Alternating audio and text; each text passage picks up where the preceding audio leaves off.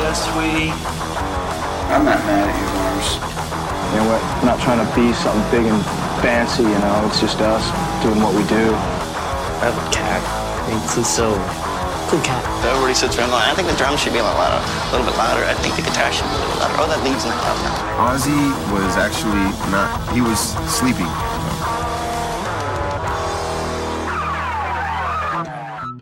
Já, og þetta var introið okkar. geggjað intro Já. Það verður reyndar að viðkennast. Við vorum ekki búinir að velja intro eða nafna þáttinn. Nei, Þannig að eins og staðan er núna þegar þetta er tekið upp, þá vitum við ekkert hvað gekk á hérna undan. nei Það eru konar einhverja hugmyndir en ekki. En allt ég hugsa komið. að það veri geggjað af því að ég er full, full að trúa á þessu lífinu og öllu saman Ég held það líka.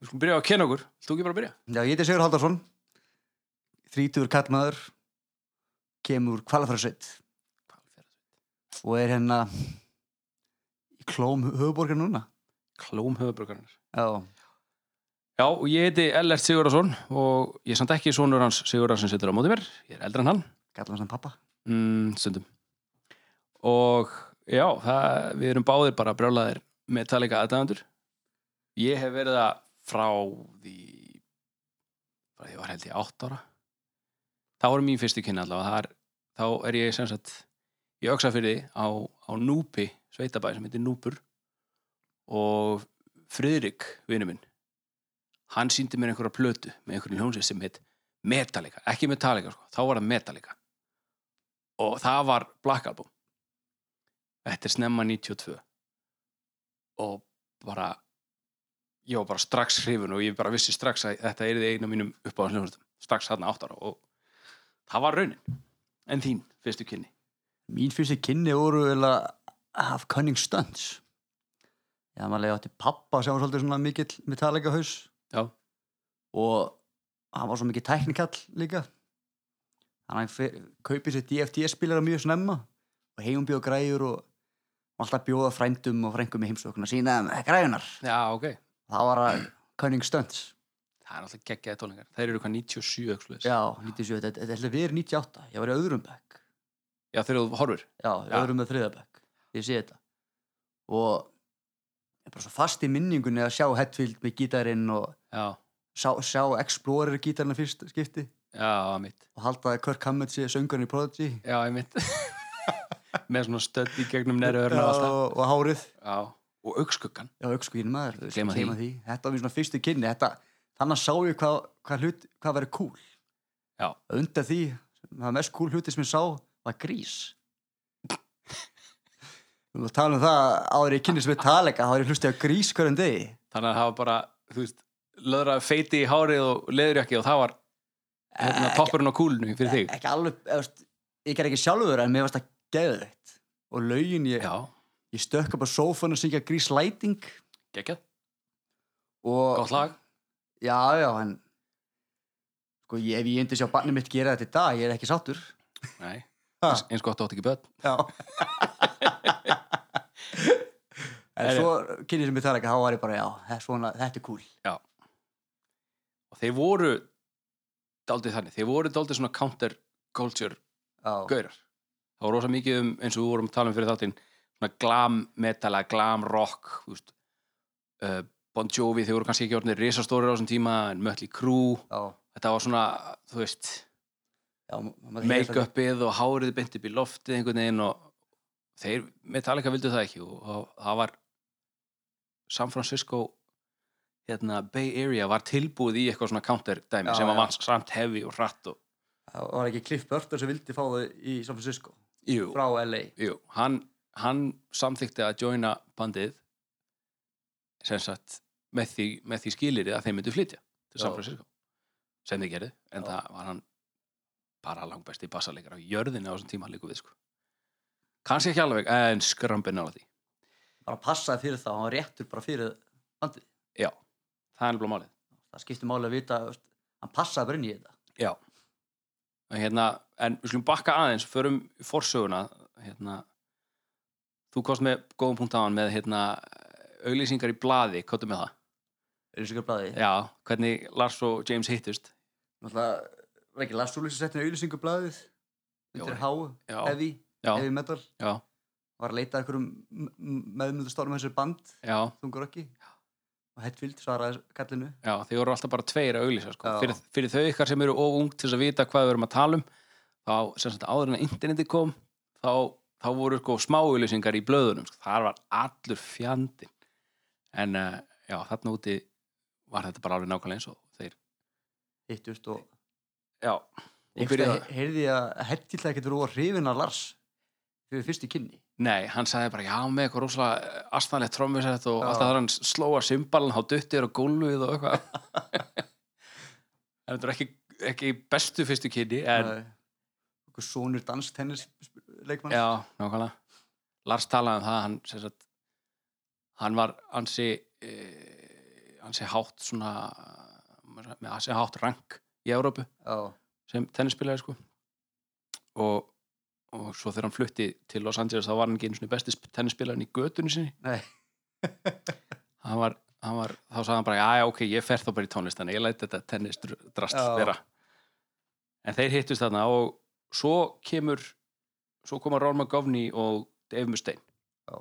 um borð nú er ég ekki alveg kláraði hvor kom fyrst Nei. það skiptir ekki máli, en við ég, þurfum ekki að fara ómikið dítila sko. mér minnir að ég lesi rétt þú veist, internetið það er svartól á Aha. upplýsinga uh -huh. að hérna að Roma Gáni og Hetfield hafi verið skólafélagar Já. og Hetfield hafi kent honum eitthvað á bassan svona fyrstu Já. spórin kent honum svona fyrstu skrifin það getur bara vel verið það, það er öruglega það er öruglega rétt, en hvort er satt ég veit það ekki þetta er góð saga Já. við skulum segja þetta sér rétt, á, stöndum að föllum með því bara já og svo kom Dave Mustaine til þessi þá þeir fóru að semja hann alveg hellinga lögum og mörg af þessu lögum voru þeir búin að flytja á, mörg- á klúpum hann allstaðar í kringum San Francisco á, svo fá þeir rekordíl hjá þess- hjá þessum hérna Johnny Z Johnny Sazula í New York þeir, þeir hérna, fá pening til þess að taka strætó til New York, ekki strætó rútu til New York og eru konur á staðinn og hafa tvær vikur til þess að æfa sig hvað gerist þá Sigurður?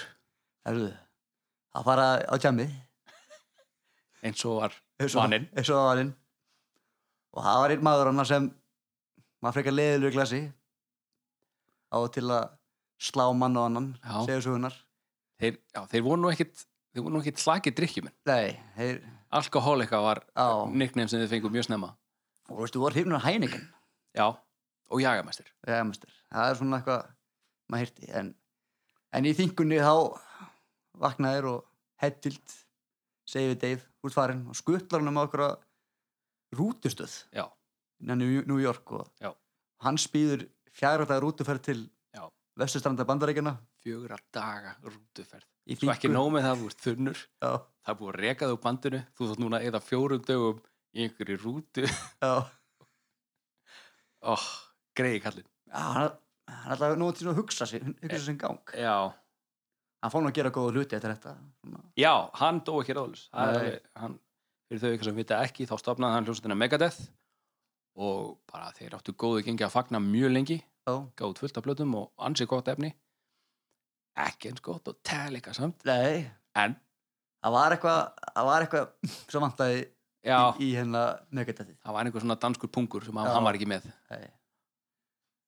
En já, þannig að uh, Dave Mustaine var reygin og Kirk Hammett sem að var lítgítarleikar í hljómsveitinni Exodus já, sem að var einmitt þarna frá San Francisco eða svona var á því svæði líka og hann var fenginn í staðinn og hann fekk þarna rétt um tvær vikur, hvort það voru tæplega rúmlega veit ég ekki, já, til þess að læra allt saman og þess vegna svona eru sum sólóin þá er hann búin að sem sagt læra sólóin af demónum já. og það er svona, það eru nokkra línur frá Mustaine hann var ekki káta með það kallinn Nei. þegar hann heyrði þetta í fyrsta skipti he's playing my fucking solos á hann að hafa sagt einhvern tímann En þegar hann heyrði þetta ég heyrði eitthvað starf líka að henni að hann hefði verið ráðin áður en rákan það hefði Já. hún talað við hann já, ég, Já. hef- ég hef heyrt þetta líka ég held að þetta hafi verið hana, VH1 Behind the Music já, dæminu það var búið að tala við Körk og, og hann kom inn VH1 já, maður stætti því já, er ekki bara einhverjum svona raunveruleika þettir þar í dag ég veit það ekki Ég ég, veit það ekki. History Channel, það er ekkert nema geimveru þettir já, eitthvað fyrir okkur það er annað podcast já Herðu, þá er Forza, nei Forza Abandons er ekkert komið, Nei, nei, nei, nei, nei, nei. það er eitt, risa, eitt risastórt púst sem vantar það er bassaleikarin Bassalegarinn Ron McGovney, Já það var nú ekki eins mikið drama í kringum það, hann, Nei, ég held að hann hafi bara hann bara vissi það bara sjálfur hann ætti ekkert í- Já. eða hvort hann hefði ekkert verið að fíla þetta eða- nú verð ég að viðkjöna það, ég hef ekki lesið mér Nei, nógu, auðvitað nógu vel ekki. til um þetta en ég veit að það var ekki nærið eins mikið drama Nei og auðvitað ekki bara búa til sér naður og sjálfur jú, bara segja hann var ekkert drama já, hann vissi sjálfur að hann var ekki svo besti já, herru ég er Hetfield, þú ert Ron, ok Já, yeah, Ron, sætt hættvill yeah uh, ert- finnst þér þú vera nógu góðu bassalegari Ég er ekki alveg að fíla þetta ég hérna ég ætla bara að halda að fara í skólan halda áfram þar og yeah, líst vel á það vil mekka klippið út Ok. Ok, ok, þú ert að gera þetta aftur en já en, en Ron McGovney yfirgaf bandið og þeir voru þegar búinir að einsetta sér að, að ná í annan gæða sem heitir Cliff Burton hétt Já. Cliff Burton hann var í hljómsveitinni Trauma Já, og sem sagt, uh, James og Lars voru sem sagt, uh, á einhverju klúb að hlusta á hljómsveitina Trauma og heyrðu eitthvað skríti gítasólu já, og svo pikkar annar í hinn og segir, hey, sjöðu, þetta er fokkin bassalegari sem er að gera annan helvít á að sér þetta já við erum að fá hann ekki og já, og þá erum við komnir þar sem við, þar sem við hérna svindlum okkur fram með rauðan á Já, þess að þeir fluttu til San Francisco og þá, þá var klift til í að ganga til liðs við þá og fengu þennan hérna plötusamning og fóru til New York og þá erum við kominir að plötunni Kill 'em All sem er fyrsta plata sem áttu að hitta Metal Up Your Ass já, en plötufyrirtæki verð ekki allt á hrifin af því samt örgulega það flottasta plötukofur sem ég veit um já, þessi, hni- klóstiskál með nýf já sem það átt að vera Já. já þetta, úf, geggja sko en já minnst að það var þetta svona frekar svona statement, killum á það mm það var eitthvað sem að held ég Cliff á að hafa sagt já, um sem sagt plötufyrirtæki já, að þau eru bara einskis nýtt og bara we should kill them all, kill them all. og þaðan kom titillin en já, við skulum demba okkur í fyrsta lagi það heitir Hit the Lights fyrsta lagi og fyrstu plötunni byrjar á svona feitir minnst aðeinslegt já, bara svona, það byrjar eiginlega á ruslatunni endir svona, sjóið búið en það byrjur já það er hérna nögugt alltaf séð svona þeirra statement að counterculture, það það er alveg sína að sjóðu er ekki búið, það er bara rétt að byrja já, það getur vel verið og no life till leather no life til leður já, það er, já, fyrsta skipt sem er minnst á leður á þessari plötu Já. ekki það síðasta, það mun komið í ljós skemmt að segja frá því að Headfield samt þetta lag við finnum gamla bandi Leather Charm leather charm, Leather Charm já, ímyndið ykkur Enter Sandman með leather charm já, ég sé það ekki verða eins vinsalt og nei Enter Sandman með metallica ég veit ekki, það var Leather, ekki leather Charm Þeir, þeir voru mikið í leðri á þessum tíma ekki Það voru meiri í galaflunum Já, Cliff var náttúrulega alltaf í gallabuxum og gallajakka hann bara, hann eiginlega sást ekki öru sig líkuði, sko. nema kannski á, já, svona væpbítir uh, Leðri var ríkjandir hjá þeim já, Með leðri skal land byggja já Já, já með leðriskar landbyggja, já, En þetta er svona Textin er svolítið Talum svona, Metalin bara að Þeir eru að koma með það já, Nánast já no life to leather will kick some ass tonight Já. hann er bara, þú veist, að þeir vita hvað þeir eru góð Og á- Our fans are screaming já, og alltaf fyrir hérna uh, fyrir viðlæð og segir alltaf when we start to rock we never will stop again eins og ég- við vorum að tala um fyrir þáttin þetta er svona svo, þú veist, lestin er að fara á stað Já. ef þið ætlaði að vera með þá er að fara um bort núna því hún hægir ekki á sér Það er svona Það er svona Fílið start á fyrstu stúdíuplötuna já, þetta er rosa pungur að- að þóra að segja bara eitthvað Já ok, þú- hérna, we're gonna kick your ass bara, þú veist, mér er alveg sama hver er inn í grátinu, við ætlum að vera hérna stærsti, bestir og bestir og hraðastir og allt þetta En það sögur þetta á tölugum We're gonna kick your ass ég gera það en svo svo kemur þetta geggjaðrið Michael Ég sé ekki að Captain Police-ektum ég væri með okkur. Winslow Já, Nei, ok, ég ætla ekki að reynda Hérna Og Ég er ekki viss um að Körk hafi stólið of miklu af Mustaine, Þetta, er- mér finnst það rosalega Körk-legt sóló eða bæði sólói, já, mér finnst það rosalega mikið hann já. en svo eru önnur sóló sem við komum á eftir, það sem að maður heyr alveg já, ok en, þú veist, þetta er einu skiptin það sem að þetta koncept var einu sinni í hausnum á honum Þetta er ekki alveg minn, minn, mitt sérsvið að vita svona hluti helert, en Já. ég ve- veit alveg hvort að fara. Nei, Já, en, þú veist, þú heyra eins og í næsta lagi Já, þá er það sem sagt uh, sólóði sem kemur uh, já, við skulum bara, við skulum bara tala um það eftir Já. Nei, ég, skal, ég skal bara benda það en já, Hit the Lights, fyrsta lagi á fyrstu plöðinni skulum bara dempa okkur í næsta er það ekki? en maður komið eitt skemmtan fró, fró- fróðleiksmúla. já, Við skulum þetta laga fyrst spila, tónleikum, live. kottum með það Er það þá 14. mars, 82, í Anaheim. það er í Kaliforni Já. Þar er Anaheim á, til dæmis, Anaheim Ducks, hockeyliðið. já, og hérna Nam hérna uh, hljóðfara eh, ég er ekki að djóka, þetta hann heitir Nam sem sagt North American uh, Music Makers eða Musical Institute Merchants eða eitthvað svo leiðis NAMM, þetta er svona hátíð þar sem að bara öll stærstu vörumerkin og allar stærstu búðunar koma, þú veist, í bandaríkjurum koma saman og sína nýjasta nýtt í öllum hljóðfærum og namhátíð, hún er alltaf við Anaheim Anaheim. já, eh, svona, já, pínu tókum pínu hliðarspor þarna en við ætlum að dempa okkur í næsta lag það heitir The Four Horsemen Já. The Four Horsemen. Four Horsemen Mér finnst þetta að vera með um betri lögum plöðanar. já, enda, sér þetta, er- þeir spila þetta live enn þann dag í dag sko. Já. varst þú ekki með einhvern svona counter á hérna, hvaða lögin hafa verið spiluð oft live þú varst með eitthvað svoleiðis á Jú, tjekka á því tjekkum á þessu. og hérna eh, það má samt til gamans geta að lagið hétt ekki The Four Horsemen upprunalega It's The Mechanics. Mechanics með X-i X-i, já. í lokin Eru 2015 og bara spila 523 sinn.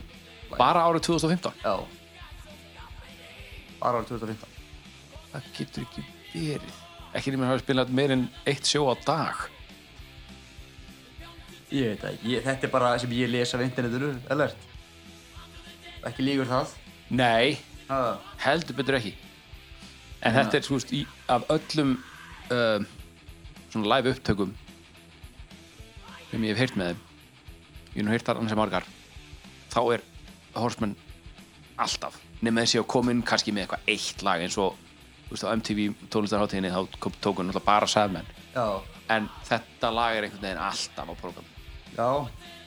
En það er mjög gott lag. já, geggjað sko.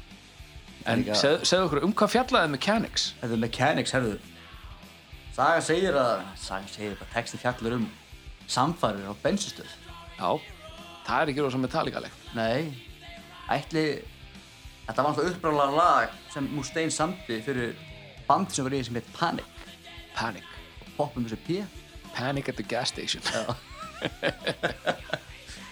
og þetta er svo og ef maður les textan af The Mechanics þetta er svona smá kjánurhullur já, Hetfield sagði sjálfur að hún veist textin vera silly ég get alveg trúið því þetta er þetta er, þetta er svona hvað segja má, ekki málefni, eða svona viðfangsefni sem að Metallica bara fjall ekki um kynlíf, þeir bara, ég held þeir hafi ekki minnst á kynlíf í einu einasta lægi það er kannski eitthvað á load og reload þar sem að, Já. sérstaklega þar sem að eru blóð og brund á hérna flutukofurunum Já. sem við, við skulum tækla það Já, seinna. seinna, en- en En nei, ég, en það fóru textin í meira í svona Metallica tengt sko. já, það er dauði og, Já. og þú veist, orustur og Já, en uppræðlega er þessi fjórir The Four Horsemen. fjóri reyðmenn Fjórir reiðmenn hvað- Biblíunnar. heim, heims Það er yfiráð, heimsendis. Conquest, Stríð, War, Hungusneið og Dauði. hungursneyð og En dauði. eins og við vitum í Metallica þá er það Tími, Hungusneið, Pláa og Dauði. Já. Time, Famine, Pestilence, and Death. yeah, death, Já. yeah það var, það var þema sem að var hérna, sem að var uh, yfirnáðandi og er eiginlega enn þann dag í dag Já. í textunum hjá honum. þetta er rosa auðvelt svona, viðfangsefni fyrir Hetfield að semja um já, dauða auðin en þetta er stórt stórt hugtak okkur lífi já, minna, ef við ætlum að vera heimsbyggilegir fyrsta sem við, við gerum við fæðumst það er að deyja já, byrja að deyja já, já, það er alveg rétt yngri fyrir suma en stittir aðra alveg hár rétt ah. og þetta lítið og þetta er mikið hættild auðin, Paldið, ef þú hoppar fram af risa, risa stóri byggingu þá ertu þingdarlaus þannig að þú drefst já, pældi því Amma. þá ertu þingdarlaus alla restina æfið já en ok tökum hambara svona hana Já. og förum áttur í lægið sem, að, sem betur fer fekk nafnið The Four Horsemen en ekki Mechanics og hérna byrjar rosalega svipað á eitt lag með Kiss sem heitir Detroit Rock City held ég Þetta er, eh, já, það er alveg augljóst en hvaðan, svolítið svona í harðari kantinum já, alveg hygglust Já. En þeir voru greinilega að hlusta eitthvað á Kiss já, já, Gott ef um að Stein hefur ekki já, átt þetta riff bara, greinilega já og þetta líka, vittna fyrir lög Big Wheels Keep on Turning Já, millikablinn sem að er aldrei spilað live lengur sem betur fer þú ert, þú ert ekki reyna á honum En Mér finnst það bara ekki passin í þetta lag, sko Hann er, Mér finnst hann, mér finnst hann vera svolítið svona hann- ég fíla hann af því að hann svona tekur mann svolítið út úr, úr læginu og þegar Já. það, það kemur þegar að hann slæta nöglinn eftir stendingjörnum já, rrrr, já, kemur svona urr einhvern veginn urrar inn í riffið aftur Já kemur mann inn í, inn í beina aðteklinn aftur á riffið Já Ég, ég ber verið fyrir því en, þú veist, og, og þetta er bara skoðun eins manns og mín skoðun er rétt og, sko. Já, skoðun. fyrir þér, mín er rétt fyrir mér Það er bara þú veist, það, er- það er hægt að það er hægt að finna kosti og galla alls þar en þetta er bara, ég, já það er að því að þetta er svona, þetta er svona kaplaskipt í læginu já þetta er svo sem sagt, já, það eru tvö sóló það er þetta sóló þarna í þessum getur við sagt Sweet Home Alabama kabla já, sem að fátt, sem að, já, fáherður í dag svo, svo kemur sól og það sem að þeir eru aftur komnir í aftur er ég byrjað með búkljóðin já, og þá kemur Kirk inn með það sem ég er alveg 100% vissum að sé Dave Mustaine solo demur stein hann, ég held að þetta sé allavega byrjunin á því þetta er þessi skali sem að tegur hann þetta er svo úr karakter fyrir það sem að maður heyri frá Hammett bara allar göttur síðan en það er svo sem ekki takt að þú veist, ég setja mikið út að kallinn fekk tvær vikur til þess að bara mastera Já, hérna já. plötu og á þessum tíma það var ekkert, þú veist þú veist ekkert með eitthvað digital copy þar sem þú kannast spóla tilbaka á iPod-unniðinu Nei, nei, nei, nei. með símanum eða eitthvað, þú veist þú varst með, þú varst með segulband og þú varst, þurftir að fara varlega sem myndir við skemmt spóluna sko. já já, nákvæmlega og ef, ef þú spólaðar á mikið þá fór, þá fór þetta að bjagast þá fór tónhæðinar að bjagast og, já, já, en, þú veist geggja sólóðan Já, en ef ef þið viljið heyra samt Megadeth útgáfana þá heitir lagið The Mechanics eftir Megadeth á plötunni Killing is my business and business is good Þar getur þú fengið textanum samfærir á benstöðin Újá Það er svona næstu því eins og línan úr hérna Inglorious Bastards Já, I'm in the net to killing business and business is booming Svona næstu því það You made my drive shank crank Mm, Svo var það hann að það er textinn í Mechanics Já Sjáu þið fyrir ykkur James Hetfield segja þetta Nei, Yeah, drive shaft, crank, yeah Nei, ekki ég sko En svo kemur aftur svona drop Þetta drop Já. hérna, nema, nema það með bassa Þegar fyrir aftur yfir í á, introruffið, dingu, dingu, dingu, dingu alveg í lokin, rétt ára en það gerist þá kemur eitthvað svona dropp með bassanum sem að bara bara, þú veist, þetta bara hristir mann allan, þetta er, já, og það er eitthvað svo ég veit ekki, það er, þetta er eitthvað svo primal og maður bara svona uh, maður er einhvern veginn svona, Hm. ég veit ekki, ég veit ekki hvað hva orðið ég á að nota, en maður Ég hugsa bara hvernig tilfinningin var að heyra þetta fyrst á vínil eða kassetu já, Hvað er þetta? já, nákvæmlega, mann langar svona að berja sér og brjósta Já. okkur uh, og urra með einhvern og veginn, og þetta verður svo mikið, mikið óvissu gæst ekki bara farið á netið og bara googlaði þetta nei, og þú var bara, hvað var þetta akkurat og bara búið, og nota ímyndaraflið Já. ímyndar hvað En já, þetta var lagið The Four Horsemen The Four Horsemen og við skulum dempa okkur í næsta lag sem er eitt af tveimur lögum í sögu Metallica þar sem að Lars Ulrik fær ekki kredit fyrir sem, sagt, uh, sem lagahöfundur Það er mótabræð Var, var þetta mótabröðið þitt? Já. Ertu svona á mótaröfli? Já. ok, mótabröð, gjör svo vel. Herri, já. Mótarbröð, eins og Siggi kynnti þetta. Já, já, þetta er andadráttur Já, rétt. Vélar andadráttur það er hérna, fyndið, eitt af tveimur lögum sem að Lars Ulrik uh, er ekki titlað sem lagahöfundur og, og það byrjar á trommusólói. Drúlum, drúlum, drúlum, drúlum, drúlum, drúlum, það er geggjað. Já, menna, Þetta er svo líka...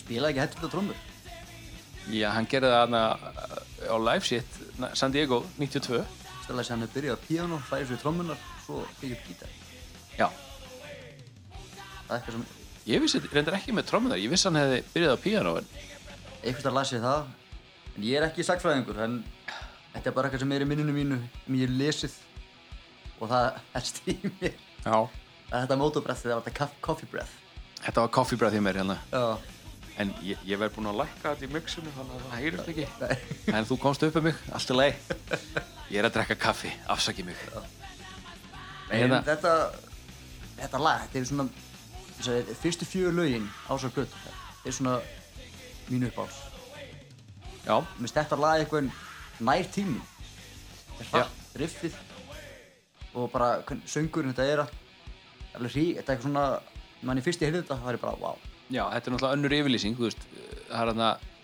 annað erindi held ég Don't stop for nothing, it's full speed or nothing Þannig er það aftur að segja bara eitthvað Hei, við erum að fara hérna á fulla keilslu í nok nokkra tugi ára Þú veist, Þið eru með okkur núna eða þið eru ekki með okkur Ná, Ekki það þeir eru þeir Jóða alltaf velkomna nýja aðdöndur að sjálfsögðu En Já, já, það var svona, þeir eru svona þú veist, 19 ára guttar eitthvað Fuck you, ef þið kom ekki með núna þá með ég bara fucking já, já þetta er, Hormónan er á miljón og minnast þetta er já, já, þetta er svona rebel í þeim, þetta er svona uppreisunar kefnir Já, og maður sletti inn ennskunni svona mikið já, ég mitt uppreisunar segir Mér er líka skemmtilegt alltaf sko gítarsólón í þessu lagi Þeir fara alltaf upp um tóntöð Já, Svo fara, þú veist, svo fara alltaf Alltaf niður aftur til þess að fara inn í versinu og viðlagi já, svo fyrir, fyrir, þarna, fyrir gítarsólaðin sem er skemmtilegt, það er bara þú veist, það, það er svona hvað segja það er svona gaf í skinn hvað þeir eruðu klókir lagahöfundar setna mér bara ennþá klókari ekki það þeir voru orðnir að þarna já, já. og hérna þeir voru svona já, experimentara gera lagi aðeins meira interesting að fara, upp- fara upp um tóntöðinni í hérna, gítarsólaðin þetta er líka lag sem er bara alfarið hellu en, Já. en svo segir sagan einhverju hann er saman þetta lag með skólafélagi sinum sem nefni, he- heitir henn hann Hugh Tanner Tanner og svo svona California Kid nafn já hugsaðins allan sér ljósarður There's a party at Hugh Tanner's house. His dad owns a pickup. Já Ég þetta var bara fyrsta sem ég hugsaði þegar þú sagði þetta nafn. Hugh Tanner ja, en ja, að lagið náttur þá er þetta stiðsta lagið þeirra á stúdíu- stúdíóplötu Já, Þeirra- sista þeirra frumstæða lag. Já, frumstæðlag sista frumstæða lag getur þetta ekki verið stýttir á Garage plötunni Já, en það er náttúrulega allt saman tökulög Já. Og hvað er það langt?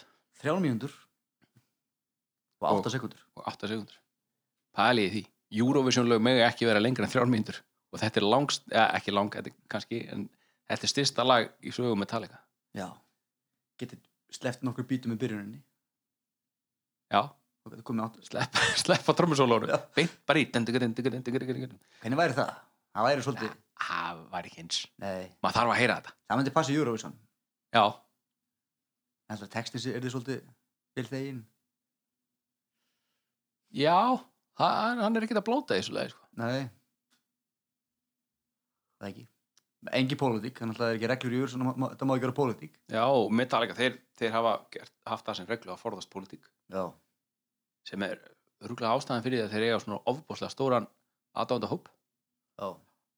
en svo endurinn á svo lagi, út að, mér er svo skemmtilegt út að þú kynntist Metallica fyrst í Cunning Stunts þetta er síðasta lagið á Cunningstons já, já, þetta er sko sérst, setna uppklapp í rauninni, þú veist, þeir eru kallaðar á svið aftur, sérst, í, ja, í þriðaskipti getur við sagt, þá enda þær á þessu og lagið endar á dun dun dun dun dun dun dun dun dun dun nema Hetfield syngur yfir það kemur dun dun dun dun dun dun thank you, good night og þá er sjóið búið já.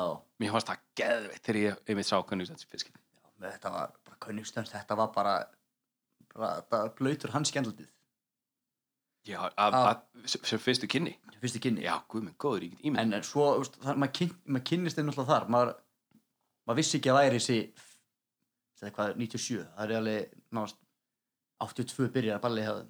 Já, en svo með heyrir stúdíu útgáfuna heyrir svona live fyrir 90 Já. þessar útfæslur það er allt annað svona tilfinning já, þetta er náttúrulega röddinn og svona hvernig það er eitthvað smá svona er, attitude svona eitthvað Já, í þeim, hann, hann er náttúrulega bara sérstaklega söngurinn, hann er bara öskrandi Já. þetta er bara öskrandi unglingur sem veit ekki neitt hvernig hann á að syngja Þú veist, ha- og hann er því fyrstu manna til að viðkynna það, sko. Já. Þannig að, hann, hann átti ekki að vera upplunar söngveri nei, það var hann hérna uh, John vinnur okkar úr Armored Saint Armored Saints sem átti að vera, eða, ekki átti að vera honum var búið að vera söngurinn, hann vildi það ekki hann sagði viðtalið, hann sagði hérna, það voru ekki mín örlög að verða söngveri Metallica, Nei, hérna John Ambrose já. hérna og, og hann virðist bara vera nei, John Bush, hvað er ég að gera? John Bush John Bush, Jón Runni en er skildið George Já, ætlaði, öruglega Náttúrulega nóg peningum fyrir úr þessari fjölskyldu Nei, ég segi svona, hann sagði hérna já það, It was not my destiny to be the singer of Metallica og, og, Já. og já svona með því fæ maður á tilfinningan hans ég bara sáttu við sína ákvörðun ég meina þetta væri allt annað band ef einhver, ef einhver annar Annar en hefðið hefði verið söngarnir Já. og hann bara eiginlega ég allavega vil ekki einu sinni hugsa mér einhvern annan. Nei, just, hann hann er svo mikill frontur já, hann er þú veist, hann er svo, hann er svo mikið að þessu Já. öllu þessu textanir ofbóðslega feimina eðlisvari Já. en samt front, að fronta stærsta heavy metal band allra tíma já þetta er rosa þvers en já, þetta þegar er, maður, þegar maður sér svona, svona upptökuna snemma Eh, Já. á tónleikum kannski er mikill svona náttúrulegur svona sín, síningsmaður, performer eða finnst þið það? mér finnst ég sjá svona panik í honum hann sé svona panik svona bara, þú veist, ha, ég verð að gera eitthvað ha, já, ég er, ég er að segja það, hann bara, ok, ég er að reyna að gera upp liðið, sko já, hann já, er, já, reyndar. hann er að reyna hann er að fórna hann er að fórna sér öll, já, allan í þetta hann, sko, hann, hann, hann, hann, allan í er, þetta veist, hann er ekki í, í, í sinni svona þægindaramma Nei, langt frá alls því. ekki. en hann vinnur með þetta hann, vinn, hann hann kann að vinna með, með, með henni hópnum Já. eða átöfundunum eða já, krátinu, sem að segja akkurat, eins og í hérna Motor Breath það kemur hérna svona smá breakdown það sem er bara bassatróman dum, dum, dum, dum Já. berum, berum, berum, berum, berum, berum, berum, berum, berum, berum og á live upptökum frá, frá þessum tíma, sérstaklega vídeo og maður sérst það sem að Hetfield er að segja hei, hei, hei, með bassatróman sko, og fá krátið með sér sko, þeir, og þeir fengu krátið með sér, það var málið það er, þú veist, krátið elskaði þá alltaf Já. þetta sem þið gerðu Já. og sér maður bara hvernig hæfileikir hans þróast í að fá krát með Já. sér í eins og maður horfur á tóleika sinnið já, nákvæmlega sem að sér í Königstönds hann bara þetta öskar ég fuck off og já, segja ná- bara já, allt bara akkurat, hann hann er bara með þá í hendi sér Já. bara frá fyrstu sekundu sko. en já, þetta var lagið Motor Breath og Siggi, hvað er, hvað er næst á matselunum? Heyrðu, það er talagnis Bara til tannlæknis? já, Þá er ég hætt að drega kaffi Já. Bara til tannlæknis? Nei, ha, nei, við erum að hoppa eitthvað fyrst hopp eitthvað fyrst Já, við erum ekki að hoppa í eldin hoppu eldin fyrst eða Já, eldurinn er nummer fjúr já, eldin er með fjöður hvað er ammir maður ég man þegar að, hérna, það var svona regla þegar ég byrjaði að hlusta með talinga á einhverju svona alvöru þá já, var að regla að lag nummer fjögur er best á öllum blöndunum já, nema killamál en það, það var eiginlega satt það var, Já. sem sagt, það var Unforgiven náttúrulega sörtu blöndunni og þar á undan var það One já, og þar á undan var það hérna, Welcome Home Sanitarium það var kannski ekki best en það var ótrúlega flott lag já, Puppet er náttúrulega bara næstu í fullkomlega plata fyrir mér og á rættalætning var það Fade to Black allt ekki sé svona, svona vínulegstu lögin kannski já kannski sem svona þau, þau þau sjokkar ekki sjátt mikið og hérna það Nei, er kannski mest vinnulega lögin þetta er náttúrulega fyrsta platan þeir Heru, viltu hætta, hætta þessu hérna, þeir náttúrulega vissi ekki að Nei. þessi fjarki yrði svona pínu iconic Nei, en já, við ætlum að demba okkur í fjarkan fræga þetta er lagið Jump in the Fire og það er það er hérna annar lag sem að Mustaine er titlað sem lagahöfundur ásamt Hetfield og Ulrik já, og það hljómaður einhvern veginn svona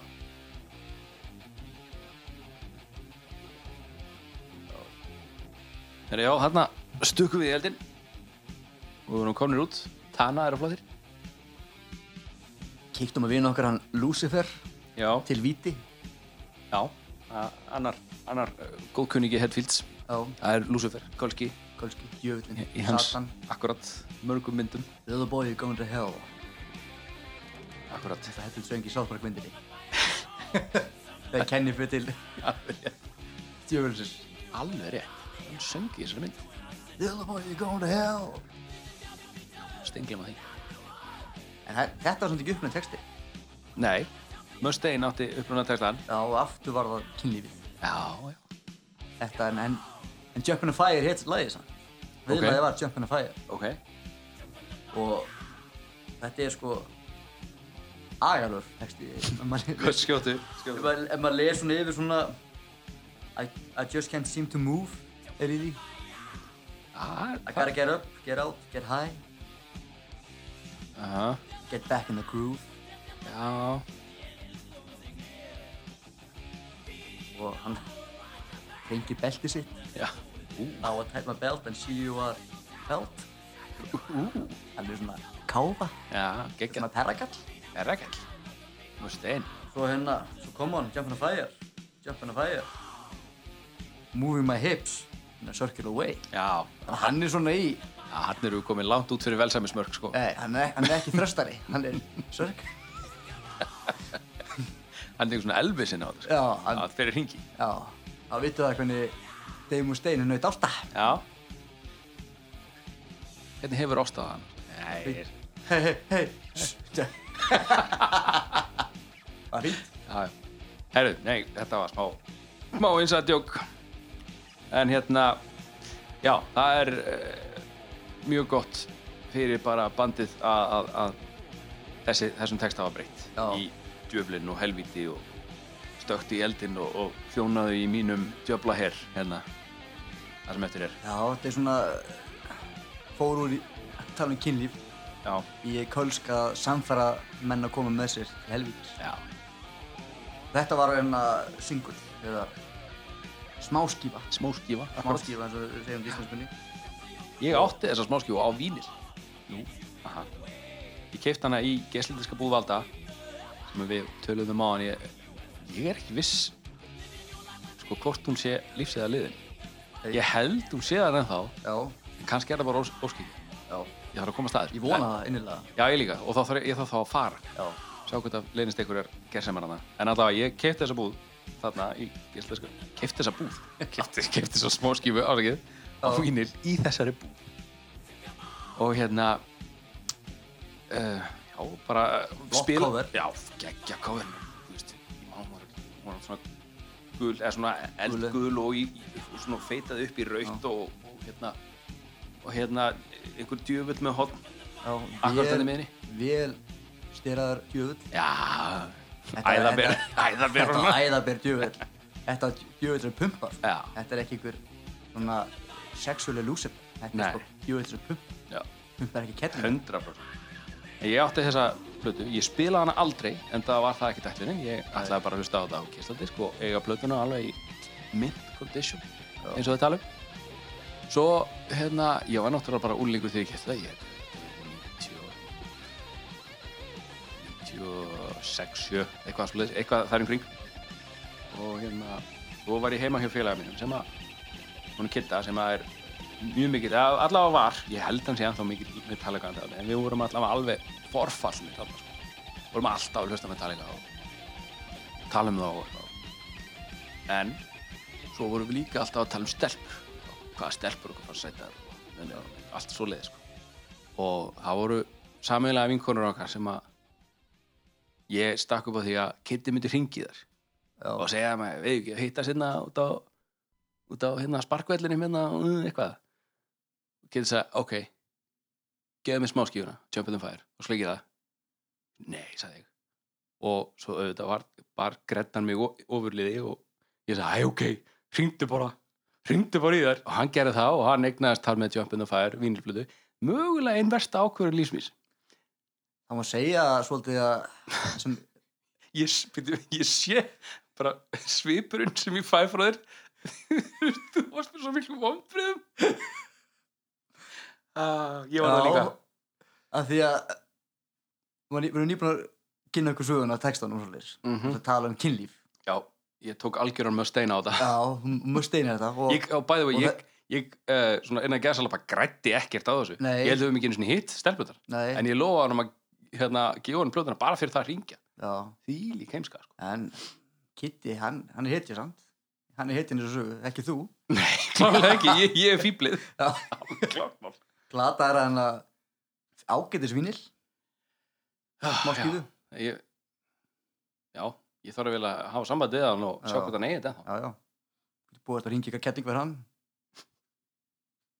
þá ekki mömmu hans já, nei, nei, nei hann fór ég að strikið, Svona, hann afsakið byrður svona lægið aftur lagið uh, já, fyrra sólóið í þessu Já. lagi sem að Kirk Hamster spilar Kirk Hammett og hérna, það finnst mér einmitt vera mjög aftur mjög svona Dave Mustaine-legt sóló já, allavega byrjunin á því um, þetta eru svona æ, ég, ég veit ekki alveg af hverju, þetta eru bara svona skalar sem að Hammett va- notaði ekki svona typikli já, sagt, þ- hvorki þarna nýja setna mér en en uh, yngur síður, flott solo geggja lag eins og bara öll Metallica lög en ég verður samt að segja að þetta er svona sísta lagið á plötunni já, ég verð alveg að vera svolítið sko Það er svona þetta og, ei- og eitt annað sem Já. ég ætla bara að segja á eftir þegar það kemur að því en já, e, þetta er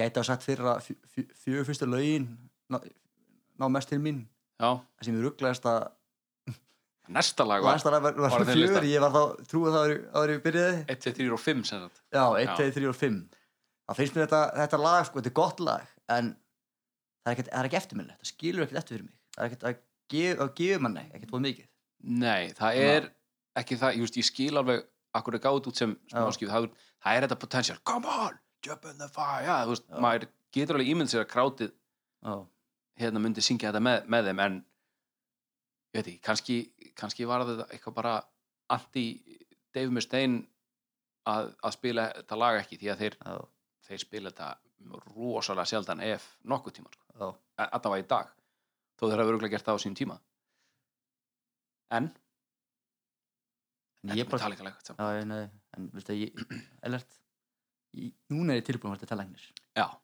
Förum núna í er, tannlæknis. er ég tilbúin að kíkja á- staðdeifing, já, tógun tennur eina, tvær Já. rósum, Þetta- pillingar við skulum bara gefa Cliff Burton orðið og heimir Hallgríms við allgrið, já gaf svo vel Cliff oh. já, þetta er svona örgla besti talangatími sem margir upplifa já, ef þið væri allir svona þá væri örgulega engin hrættu að fara til talangs Ég- þess vegna ég er það ekki hrættur sko. nei, ekki ég heldur þetta en það er mjög besta við að þegar talangarinn hafa samband samband tala við mann og og- já, já, maður með maður með allt rætlu hvað segir þessi höru hvað hvað er þetta ekki reynda og ég er að reyna- ég er að reyna- nákvæmlega small talk talangarinn og hagust fólk já, ekki, minn- ekki minn business nei, að spjalla ég skil þig. en aftur inn í efnið bassasólóið Já, bass solo, take one eins og, Já. eins og hann segir Þetta var einn taka Var, var þetta fleiri Er tökur? það rétt? Ég veit það ekki. Nei, ég veit það ekki heldur Mér, mér þetta er gaman að komast að því. Þetta er, Já. það er ákveð pungur í að segja bass solo, take one Já. Já, hvort sem maður satt eða ekki Nei. Það er svona Segjum bara sem hefur sjálfstraust. take one Já, Þa, Það er staðarind það er betri saga Frá sagan er byttið þannig Sjálfsög, Við erum ekki, Þetta er ekki sagfræð hérna, já, nei, alls ekki Þetta er, þetta er langt frá því og, Nei. og ef einhver vill endilega raunir okkur fyrir að hafa farið með einhverjar rangar staðhæfingar hérna Það var bara geggjað gjöru svo vel, endilega Endur hreinu Endilega. okkur Og ef þið Já. hlustið, ef þið hlustið, bara yfir höfuð. Já, nokkuð, það er alls ekki Hraunið- víst að neitt hraunið yfir okkur. Það er alls ekki víst að neitt hlusta á þetta En, þetta byrjar þannig Og, já, þetta, er, þú veist, maðurinn bara var því líkur séni Já. og hann byrjar hérna bara á svona einföldum svona þrýljómum, getur við sagt svo kemur hann inn með hennar wah-wah-pedal sko.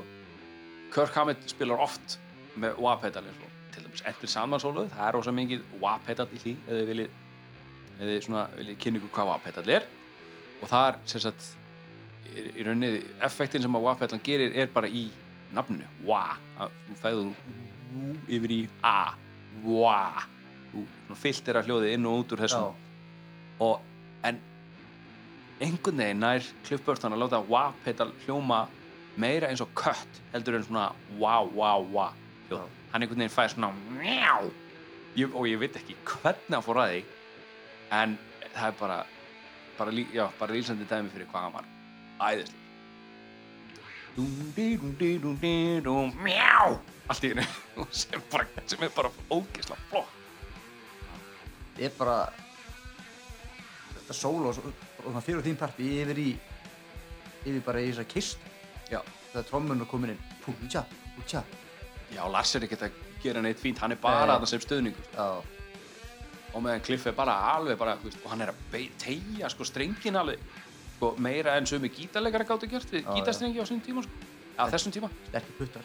ja, heldur betur Já.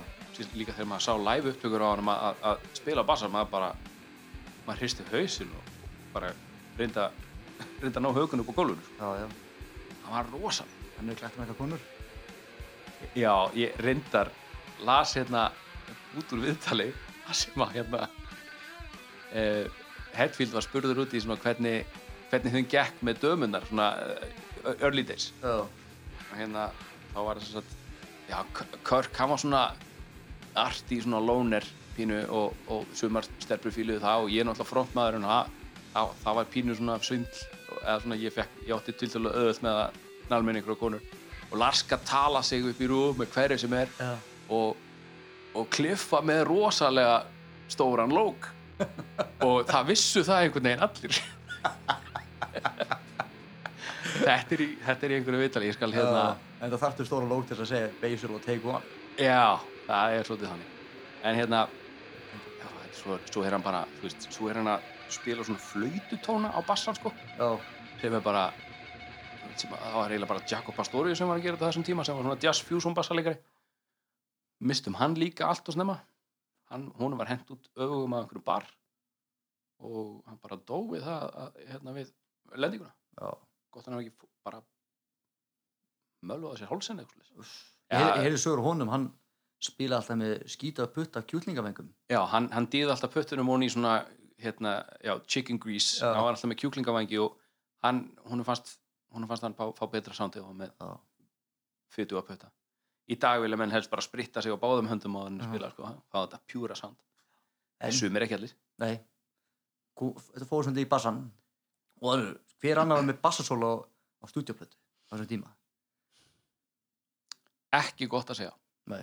Ég er ekki maðurinn til þess að, til þess að hérna, He- he- Hefur Bara heyrt það. byggstar Ég hef ekki heyrt þetta áður nei, mér dettur einna helst í hug sko meitin eða kannski rush Já, við viljum ekki- en sem þá ég man ekki til þess að það hafi verið gert sko.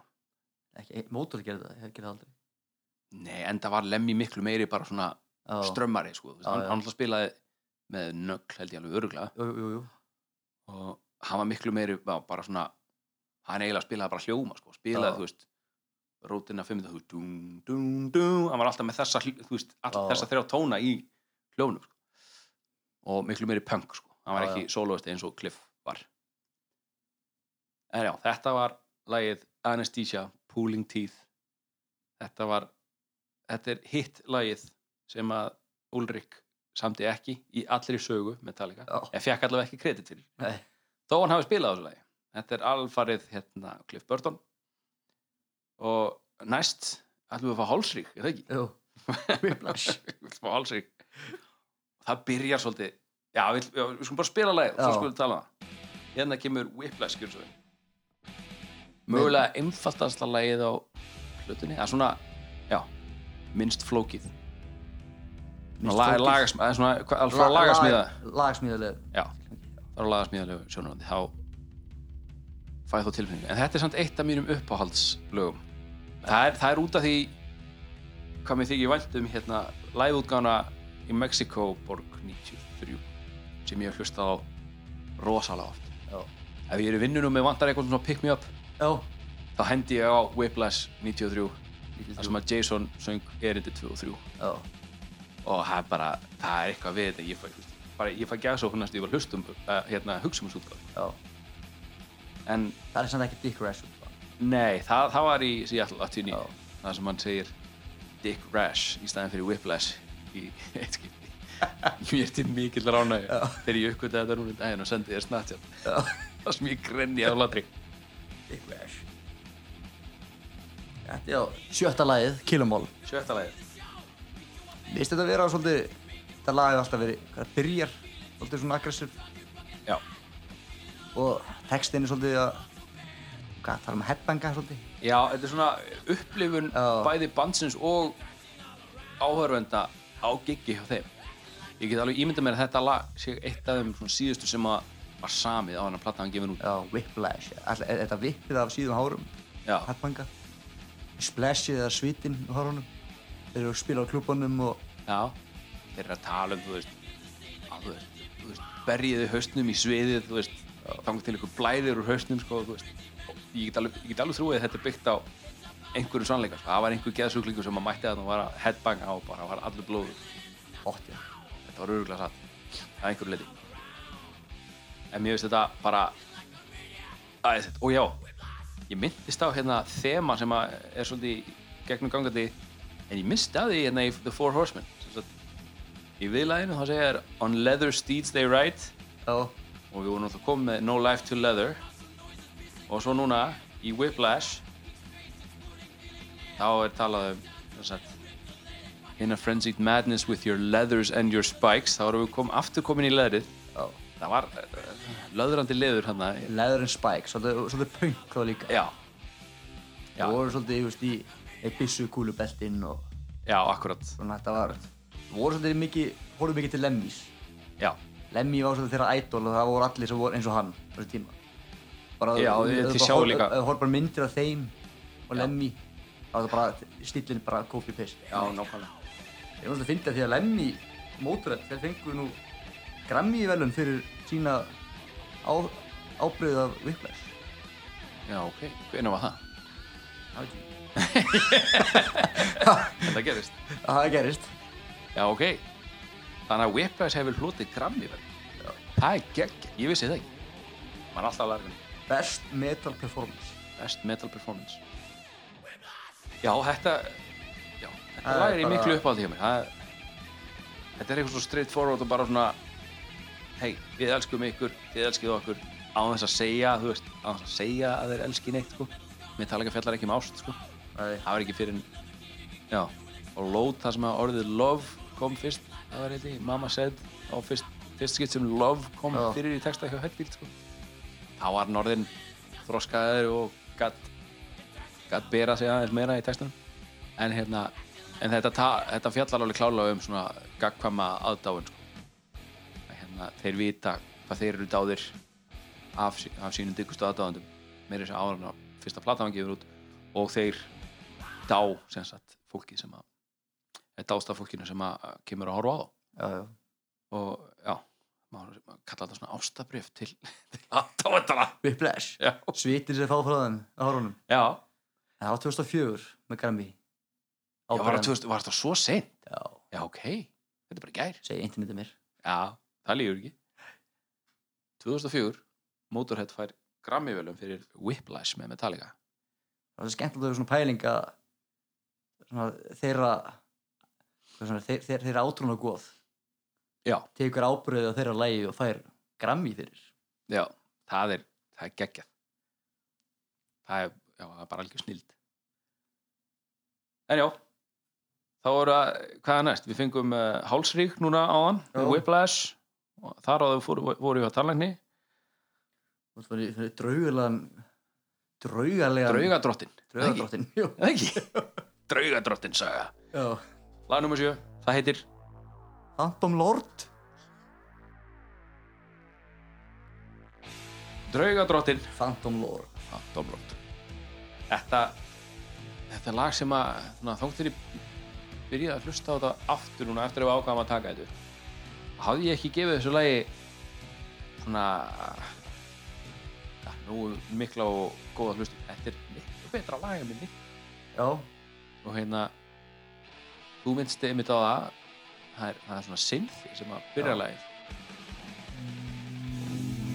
og legur svona inn og þetta er eina lagið á blöðinu með svona synthi þetta er líka eina lagið á blöðinu það sem er hassak í miðgablanum ef maður legur út í hlusti rosalega vel gefur svona bing, bing, bing, bing, bing, bing. þessi nota hann er bing það heyrist kassagítarinn maður heyrir að- að- þetta er svona þessi ábreytis svona, svona slæra á strengin Já, þetta er, þetta er svona hefði bara geta verið gert á kassagítar sérstaklega með tæknið á þessum tíma þannig að, þannig að þeir sem að segja að kassagítar hafi kom fyrst komið fram á ræta lightning það er bara ekki rétt því að þetta heyrist skýrt og greinlega já, ekki skýrt og greinlega ég var, ég var, alveg, að- ég var alveg að hækka sérstaklega í þessu og túna út einhverja tíðnir og eitthvað en þetta heyrist ef, ef, menn, ef menn hérna leggja vel þetta er mjög gott lag Phantom Lord Þetta var hljómsveit sem hefði þetta var í ungu, ungu drengu Já, það er, er þetta svona hans drifni til hljómsveitarinn? Já, ég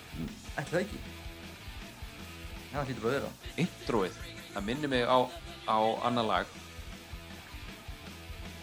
allsvægt frægara lag með hérna hljómsveitinni Cream sem heitir White Room Já, það byrjar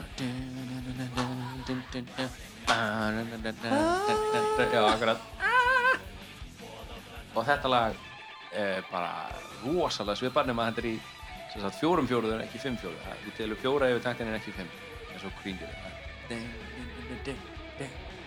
þetta er svona Já, þetta er svona svona, svona episk intro svolítið já, svona útskýri plötuna svolítið byrjar Já. svolítið svona þetta er, þetta er kannski kæms, kæmsku múflag Já, þetta er þú veist, með að þetta er bara 19 ára gutt ég, ég var ekki svona klokkur á þessum aldrei en langt í frá annars sem kemur fram í svo leiði Leðrið leðrið það er rétt the taste of leather on your lips þannig erum við komið með hvað fjórðalagi Já, fjórðalagi á plötunni af 7 þannig að það er yfir 50% af lögurum hinga til með leather reference já þannig að það- það er já. Tökum ekki með Talæknastofunar ekki með nei, Það er náttúrulega ekki textið þar já hann er engin, jú, bass solo take one Já, Basil og Take já, One það er textin Basil og Take One Hör leather solo take one og heyrðist bara bara nutta leðri saman en uh, vel samansett lag um, ég veist svona þegar það er að skipta mitt í kabla það er, mér finnst það rosalega svona organic, það er ekki það er ekki verið að neyða einhver tvö pústuspil saman sem að ég ekki passa saman Já. þetta, þetta, þetta lag flæðir rosalega vel finnst mér. og Hvað finnst þér textin segja? Phantom Lord Ég finnst þetta bara svona verið eitthvað svona aftur svona djöfull sem að þú veist, stjórnar einhverjum bílum hér Já, án, þú veist, og að vera Hear the cry of war louder than before Þú veist, ok, djöfla hér, við erum að fara í stríð Let's go já, En líka, hérna, ég verð að, ég verð að segja hérna, intro riff Núna hljómar þetta eins og banjó en já þú veist hvað ég meina Eitthvað að bara en eins og ég sagði við áður en við byrjum að taka þetta, þetta er rosalega líkt svona, eða svona, svona motorhead feelingur í því Já, og maður svona hálf býst við því að Lenny bara allt í henni byrja að syngja Eh, já blessu sem minning hans, Já, mikið tilningur þessi plata, fyrst mér, um ekki textinni, er að tala um metan Já. Tónum þessi stefna Svona, þetta er svona eitthvað svona, eins og segja svona Seta, seta metan í eitthvað svona, eitthvað myndin já, Það er svolítið, sko, já, þessi plata gerir það svolítið þetta er svo segja þetta það er góð pæling og þeir, þeirra s- svona stefnan sem þeir eru að setja fram Já. bara með, ö- ö- og strax í hitalights mm og núna þetta Ég- og metal með það já, akkurat, hérna, það er, er svona mö- mörg lögana sko, sem þeir, svona, þeir, þeir eru svona að reyna að ko- koma þessa stefnu á staði í bandarækjunum þessari reyfingu Já, af, af þetta, mitt þetta var orðið daldið stórt í Já. Breitlandi aðalega já, já, en það hétt þetta New Wave of British Heavy Metal þegar þetta kom til bandaríkina Já. og þetta heitlaði Lars Ulrik alveg sérstaklega mikið og Hetfield líka þess vegna komiði saman en já, það er þetta er alltaf góð pæling myndlíking metals, eða svona já. mynd já, svo metalið sé ykkur svona ykkur drotnari já, Phantom Lord svona, þannig er metallin holdi glendur Já. allt í hennu nei, hann svona Phantom, það er eitthvað svona ykkur draugur Já. það er svona vofa sem fær mann bara til þess að setja upp djöflahotnin með, Já. með höndunum bara, ah, og slá haustum í sviðið höndunum en- já, Nákvæmlega Bara alveg svo hættvíld Já. Og hann það bara yeah, hérna. það er vitni- vitni- vinnandi í og Er já, það má hérna, komast eh, það má minnast á það líka að þetta er annað Mustaine kredit já, hann er lagahöfundur að þessu á þess að ég viti það þá finnst mér líklegt að hann hafi átt eitthvað í Hear the cry of war louder than before það hljóma svolítið eins og hann já, þó ég hafi það ekki fyrir víst það er örugglega einhverjan úti sem veit þetta betur það sem við höfum lært nú hérna frá það sem Me- Mustaine kom að textagerð það var kynlíf Já, þú veist, ekki, Fyrir- ekki var þetta um nei, kynlíf líka, nei ok thank- thank god það hefði verið svona three strikes, you're out dæmi. það er svo það er eitthvað þráhyggja hjá honum hann fengi Já. ekki þá horfum við horfum upp að Hetfield að fá hann var alltaf hangandi á einhverjum bensinstöðum að reyna að hösla sem ég ljóð um einhverja gælur mechanics ah, við fá Pistons Bulge mm. hei, viltu bensín? nei, ég vil dísel Allt í lagi, baby. Pappis blæsir. Nei, Dabbis blæsir, ekki? Dabbi. Dabbi Mustaine. David, David Mustaine. já, En já, þetta var já Phantom Lord yes. Gott lag. Uh, Vannmeti lag af mér, að minnst kosti. þetta er svona maður þarf svolítið u- svona maður uppkvita margt svona seinna svona maður pælir í og fyrir að Já. Ég var rosalega, ég fór rosalega mikið bara svona hittara leiðina inn í Metallica. já, já, Þú veist, ég, það var þú veist, öll svarta platan fyrst náttúrulega sem að, já, ég er búin að, búin að segja frá því. Og svo var það bara, þú veist, Puppets, Creeping Death og það var Sanitarium Battery og þú veist, þessir, þessir huge hittara, sko. ég meina eins og fyrir næsta lag þú sýnir ekkert nógu rumors af því Nei, ég sé ekkert eftir þessu. nei, No regrets. regrets En það er næsta lag, en það heitir Já. ekki No Regrets Það heitir No Remorse No remorse, engin yðurinn engin yðurinn þetta er svona þeirra fyrsta svona stríðslag er það ekki? Já, þetta Já. er allavega eftir að hafa skoða textan svona umgefilega þá finnst maður þetta lýsa bara svona upplifun svona, svona einhvers hátt, high ranking general eða eitthvað svona einhver sem að, sem að er að peppa sína gæja áfram það þýðir ekkert að grenja þó að hafa skotið óvinnin í já, gæja Þú já, þetta ert að fara að gera þetta aftur í dag maður þarf að- þú þarft að sína engin yður, yðurinn Já, það átt bara, svona gengur þetta fyrir sér maður þeirri það við já. og þetta er svona eins og lægið svona lókakaflin læginu það segir árás Já Attack alveg bara öskra þetta er svona, þú veist, hvort hann sé, að- hann sé að vitna í sko, svona fyrri heimstyraldar mm -hmm. fílingin þegar þegar menn hlupi upp á skotgröðunum Já, akkurat og, það er bara allt, og þá bara fór helviti í gang Já, hvort þessu breski hérna í sonni eða Akkurat Þetta er þessum stórskottar hýta verið í gangi og nemi, ég er svolítið svona þeirra stíl var, var svolítið í þessum textasmiði svolítið hlutum sem komið sen Já, þeir, þeir tækluðu þetta rosalega mikið á, á Já. Puppets til þeim En hérna, já, mér veist Sólóið sem að sem að, hérna, kemur eiginlega bara strax í byrjun Mér finnst þetta svolítið mikið meir, meira, svolítið bara að þetta hafi komið frá Kirk sjálfum, hann hef ekki stólið þessu, mér finnst það frá en, en- eins, og, eins og í öllum hinu tilvíkunum þá er þetta bara svona gött feeling um mér, sko já, ég, ég, hef, ég hef ekkert fyrir mér í þessu nema bara svona, ég hef hlustað á mörg sóló eftir hann Körk og mér finnst þetta að vera já, svolítið mikið svona hans hans sóló hann sóló sorry en eh, uh, hefur við bara sjáast og svo, svo segir hann alltaf war without end Já, og það- endalust stríð og þá er það þá fer það dun, dun, dun, dun, dun, dun, dun. fer yfir í það Northern Moss Þetta er svona smá pólitísku vinkill kemur hann inn já, Blood Feud blood, blood fuels the war machine Blood Feud sem bóðum sín það er já, það Það er smá. er eins pólitíst og það gerist þegar það kemur, kemur að mér tali já, Það er satt, það er bara já, þetta er bara satt það er alltaf annað podcast sem við getum talað um það í já, mörga, mörga klukkutíma að marga klökk tíma Það er sko hreim já það er búin að móka heila þjóðflokk, geggjað Nei, Nei, ég segi svona. svona Fólk, fólk maður móðgast mín vegna Já, en uh, það er eitt uh, í þessu lagi, mér finnst það svolítið svona eins og mér fannst sko, Phantom Lord uh, vel samið og fitta, þú veist, Já, kapli A k- passar rosalega vel inn í kapla B og finnst mér þetta svolítið svona það var bara sett superglú á tvö, tvö púl sem að passa ekki saman og þau voru, þau voru bara, þeim var smelt saman og sko, það virkuð Já, eins og þetta er hann að kemur bara alveg út úr, Já. út úr engu og svo aftur yfir í opnunar eftir mér fannst þetta, Ætla þetta ekki sé ekki bara svona, þú veist Svona í stríð Þú ert kannski að fara af stað það má vera Kemur þurru sko, ég er ekkert bara að pæla í þessu Kemur þurru Kemur bara stórskotla hríð Já, tekur sveitinu frá slæðinu takt þurfum, þurfum að byrja upp á byrjun eitt komum saman, við grúpa Heru, hva, hvert, hvert er við markmið okkar hérna og Sko, þú varst í frönsku útlendingahersetinni þá, þú veist þetta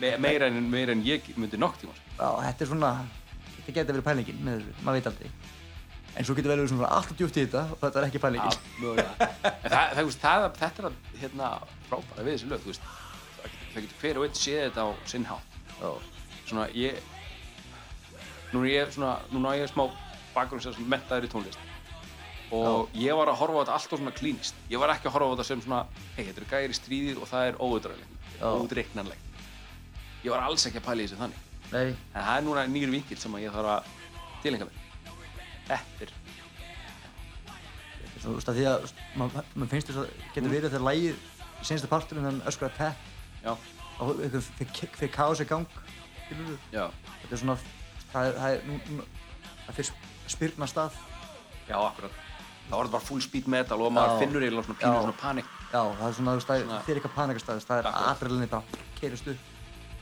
Stórskvöldar hýðin, það er bara allt, nú, nú, núna er allt við ekkert. Mm -hmm. Þeir eru búin að, þeir eru ná- ná búin að ríkgrúpa þessi saman eftir hennan spíkisingla part, já, svo núna erum við núna fyrir á stað. já, aðeins á núlpunkt og svo bara full, full attack eins og Hetfield mitt segir attack, hann er ekki lög en svo er endurinn á þessu dun, dun, dun, dun, dun, bam, bum, ba, dum, ba, dum, bum. þeir hafa notað þennan endi Margot Life Já. fyrir önnur lög þetta er stórkostlegur endir eitthvað, það er eitthvað svona pínu svona sigurlegt svona, Já, svona royal dum, ba, dum, ba, dum, bam, hérna kemur kongurinn eitthvað, þú veist kongurinn er kominn eða sigurverðin eða whatever Já. það er, já, þetta er eitthvað svona, svolítið svona pínu svona sigurlegt þú veist. Ég- þeir tala um sigurveri, áfram tala um sig ekki sigurveri stríðum, nei, já, en ef þú getur unnið orustu unnið þó þú orrustu. unnir ekki strí, Já, þetta er kannski bara einn orusta þetta er svona, maður finnst þetta að vera svona sjónorni fóringjans, herrmannsins, að akkurat, vi- vinna orrustu, það er ekkert betra. Vá, ég, ég verð að fara að hlusta á það lag bara núna strax aftur með þetta í huga ég hef var ekki búin að gera það herðu, er ekki, erum við ekki að leita á drepa Jú, við ætlum að leita á drepa, það er næsta lag Nú fyrir við takt bandrækjamanni við innanstríðinu Search and Destroy nei, sík já, hér þetta Search and Destroy Það heit Search and Destroy Ah. nú heit, nú, En það er Search and Destroy classic taktik Nú langar mér að fara að leita upp hópa Berja þá. Þetta sagði örgl einhverjir eftir að hafa heyrt þetta lag Já. á síðan tíma Leita að einhverjum posers og berja Fucking poserar maður Mötli grú Fuck you En, já Þetta var svona Já, e- e- já þetta er eiginlega bara svona gæja sem að langa bara í slag Já, þetta er svona svo Þannig að langar að berja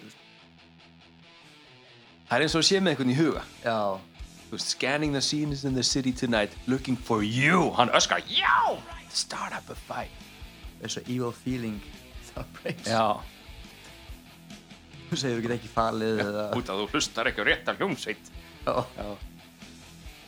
Nei, Þetta er svona Maður ætla að hýrt um að þið tala ekki vel um glam rock sem- Nei, þeim fannst það mjög miður skemmtileg Já, tónlist og voru ekki hrifin að þeirri stefnu sem var Alls ekki Þetta er margt, uh, margt mjög skemmtilegt Þetta er hitt uppáðslæði mitt á þessari plötu. Það er Whiplash og þetta Þetta er svona það lag sem flestir þekkja alltaf þessar plötu Þetta Gott er svona lag. já, s- mjög, mjög oft uppklapplað tónleikum Já Þetta er, þetta er annar lag það sem að Jason og, og Hetfield skiptu með sér sögnum hérna, Þannig Ég man að í söllinni hafa voruð uppklapplaðið þeirra að ég var ekki á landinu Ah. Já, by the way ég ætla að viðkenna skömmina og ég ætla bara að óna hana, ég hef ekki séð Metallica live að en ég er, ég er að vinna í þessu, það er náttúrulega eh, 2021 lok COVID. mars, COVID, fjórðabylgja nýskotin á það er ekki Metallica tónleikar á næstunni en Nei. ég fer við fyrsta tækifæri, það er Já. alveg 100% þannig. Ég ætla, hef alltaf, alltaf að fara aftur hef ekki ennþá gert það Ég langar að sjá það sko á, á risasviði Þú veist, Svona Austin- stadium dæmi. Texas, hvernig stönd fílingur Ú Ha, Á Fort Worth, já Texas Ú, Þessi munur að sjá þið í Evrópu og í Bandaríkjum Veit það ekki Ég gæti alveg trúið að þeir tjálta öllu til í Danmörku sko Heima, heima slóðum Lars Ég, ég trúi ekki öðru en að það sé öllu tjálta til þar sko. Hann er svolítið svona nýti dönsku, dönskun sína í ímins tilfelli Jó, það Hann var, alltaf, sko, hann var með danska fánan á settinu sinu live alveg Já sko, þangað til þangað til svarta platan kom út held ég. þá svona þurfti hann ekki, hann var nógu fregur það vissi allir hverja markvart þér hann þurfti ekki að vera með danska fann en, uh, en ja, hann hann er stoltur að þau að vera, Já. vera það Það er svo gaman að maður heyr alltaf í enskunni í, Já. í hann hefur, hann hefur ekki reynt að, svona, Nei. að breyta hrefnum sínunni Já. hann hljómar alveg eins núna og hann hljómaði þá alltaf gaman að heyra tónleika þegar þið tala vittur stundum Þann, í spandagsböksunum sínum með já, vá hérna með ennisbandi þetta er já, s- seek and destroy ég er alltaf að, fara að, seg, alltaf að segja search and destroy það er eitthvað já, það er, það er military hugtak svolítið þetta er kannski þetta var kannski með, með ráðum gert að vera ekki of já, Seek seek it, já, and já. destroy og hver veit nema Search and Destroy sé bara svona hérna, registered trade það er alveg, það er alveg sens að herin bara eigi þetta hugtak gáðum um internetið reyndar. já, en uh, já, þetta var kannski gert til þess að vera ekki of, of pólitík Já. vera meira bara svona seek and destroy já, já þetta er svona þeir höfðuðu pósuruna já, Mér hefur tilfinninguna að þeir séu svolítið að svona, þetta er svona kannski myndlíking vilja finna það og lemja það já, ég, ég ætla rétt að vona að það hafi ekki verið of það hafi ekki verið of alvarlega Já. tekið Ef Eh, maður ef maður hugsa að þetta er svona þeir eru töffarar, já, skilur en maður trúi ekki upp á svona menn að vera listamenn að fara all in og bara berja menn svona Clockwork Orange fíll já, akkurat, ég held ekki ég skulle vona ekki en, hvað heitir nú klíkumyndin hann þar sem það voru Warriors þú voru að leita upp hó- hópa berja hvernig annan Once Were Warriors, nýsjónarska myndina nei Warriors heitir myndin við bara Warriors, já, ok Já, það voru alls konar klíkur og hópar að leita um að menn og berja. ég er að tjekka hann Já.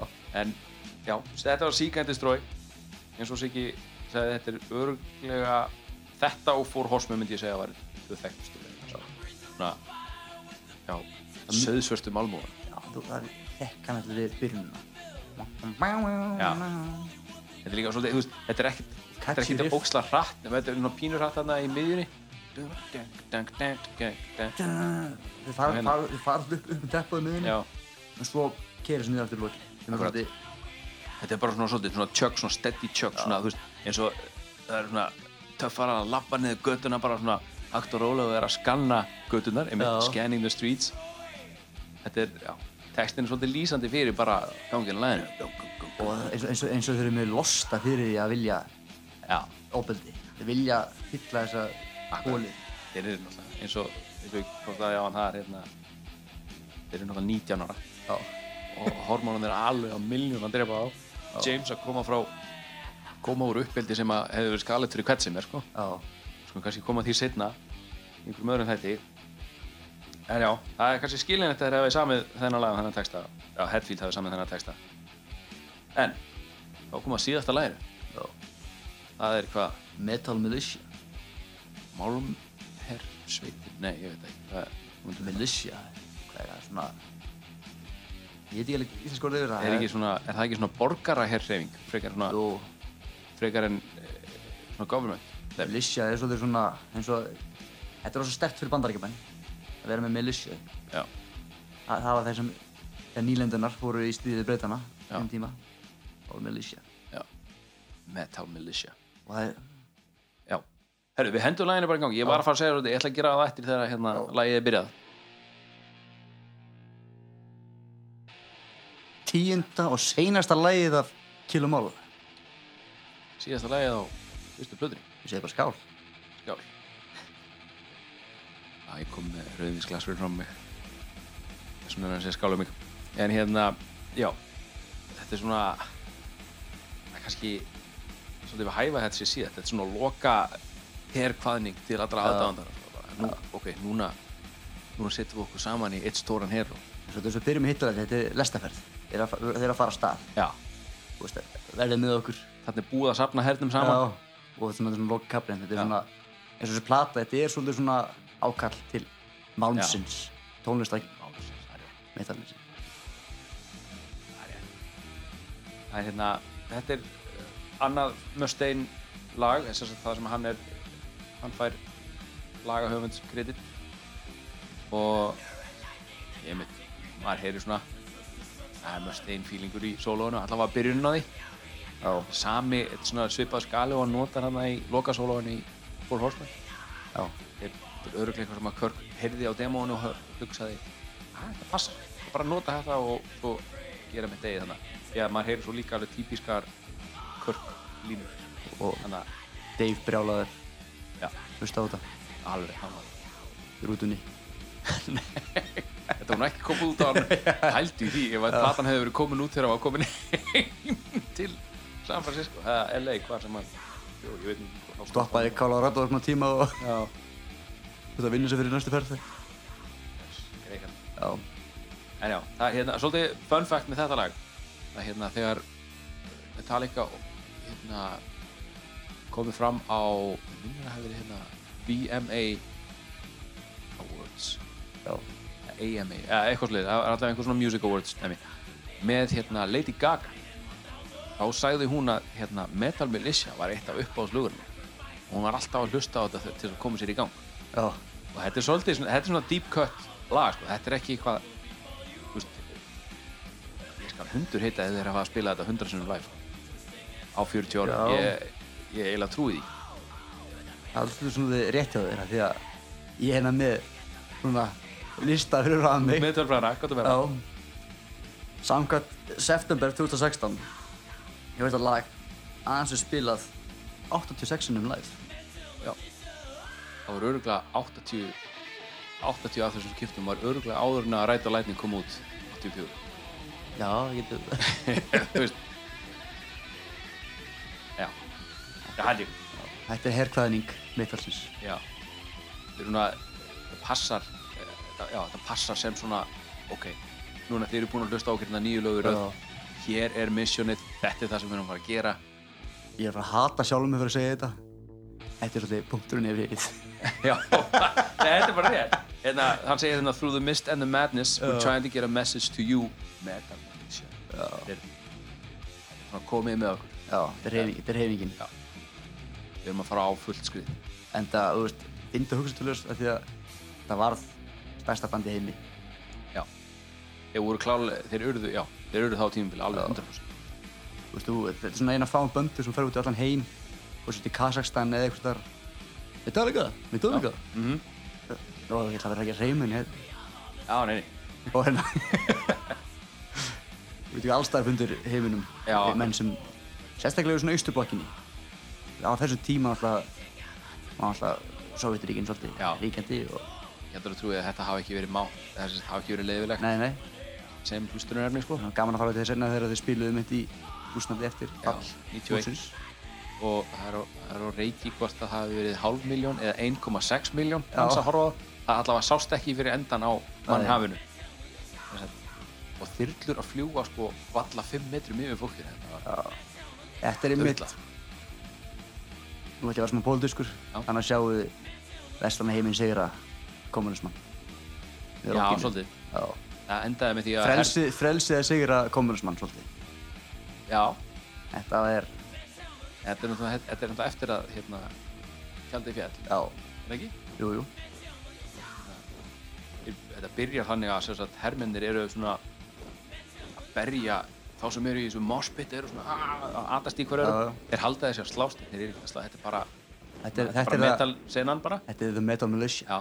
en svo undir lokin þá eru hermennir bara einhvern veginn konir með hendur utan um hinn Já, og já, eru já. farnir bara að fíla þetta með þeim sko. en, en já, það er Þetta er alveg skemmt um að hugsa út af því að, þú veist, the metal militia endar hana. já, Eða, þú veist, endar ekki hana, hún fer hangað, sko. akkurat svo endar lagið mitt á svona marseringu þú heiðir Já. svona hermenn marsera áfram og svo svona svolítið eins og byrjunin á one en bara, Já. það er ekki marsering þar, það er bara James Hetfield að öskra einhver fyrir mig Já, svolítið þingra, þingri hugsun þetta það það. er já, talsveit þingra koncept En- en já, þetta er mjög Eru við í, í The Metal Militia? Ellert? já, ég ætla að segja, ég ætla að kalla mig svona casual meðlim, metal militia sko. Já.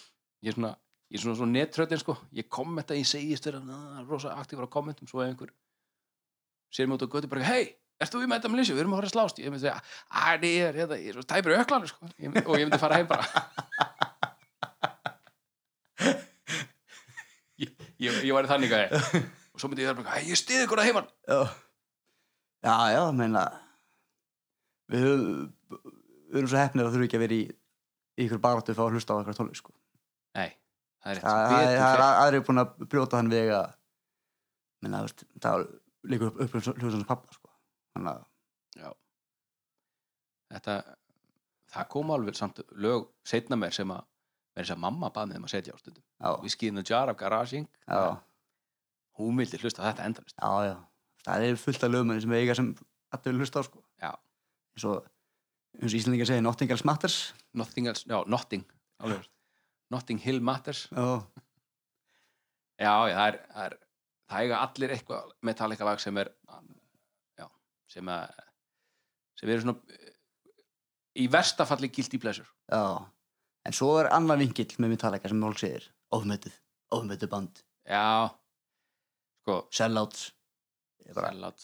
Já, m- ok, við því myndi ég bara segja það sem að Jason sagði í hérna, Somgata Monster heimildamindri já, hans, hans segir, did we sell out? Yes, every seat in the house, every time já, að ég meina, þeir bara þróuðu sinn stíl Já. og þeirra stíl var ekki endilega að spila þú veist, Veist- endalust þrassmetal og fara hratt, hraðar, He- hraðar, hefðu hraðar, þið hraðar. spila svona tónlist eins og Killimall aftur, næstu blötu það hefði e- ekkert verið neitt, þú veist, það hefði bara á að þetta var önnur plata en svona, það hefði ekki verið neinn þróun, nei engin, engin þrosk Ræta læting, eins og við för- förum í senna, hún Já. er alltaf öðru sig Já. Þetta er, þú veist, þáttu grunninn svona þrass en það er öðru svo pælingar og þú veist það sérst bara þróunin í bandinu þegar hérna, eh, þeim er lengra sem líður á þá, þá sérðu bara hvernig þeir eru að þroska sem einstaklingar og þeir að þróast sem einstaklingar Já. og, og hérna tónlistamenn og lagahöfundar En Já, þetta var Kill 'em all Killimall Kill 'em all og, ef- og ef þú hlustaði á þetta allt í gegn það þakka fyrir, Já, þú ert heitja samála því, skál fyrir þér og hérna við sögðum eitthvað vittlust, þú veist, ósámal okkur og við fórum við vittlust svona fakt æjæ, okkur drullu sama Já, segi bara eins og James sagði á einhverju live upptöku So we fucked up já, við Alveg erum svo ekki fullkomnir Heru, Nei, nei, við vildum bara ta tala um eitt af uppáhaldsböndunum okkar Já. Þetta er uppáhaldsbandi mitt í, Já. en Já. ég veit ekki með þig jú, jú, þetta er það já, og hérna við munum næst kofura ræta lætning og kannski eitthvað, eitthvað meira svona utan þessin. já, Takk fyrir okkur, takk okkur sjáumst.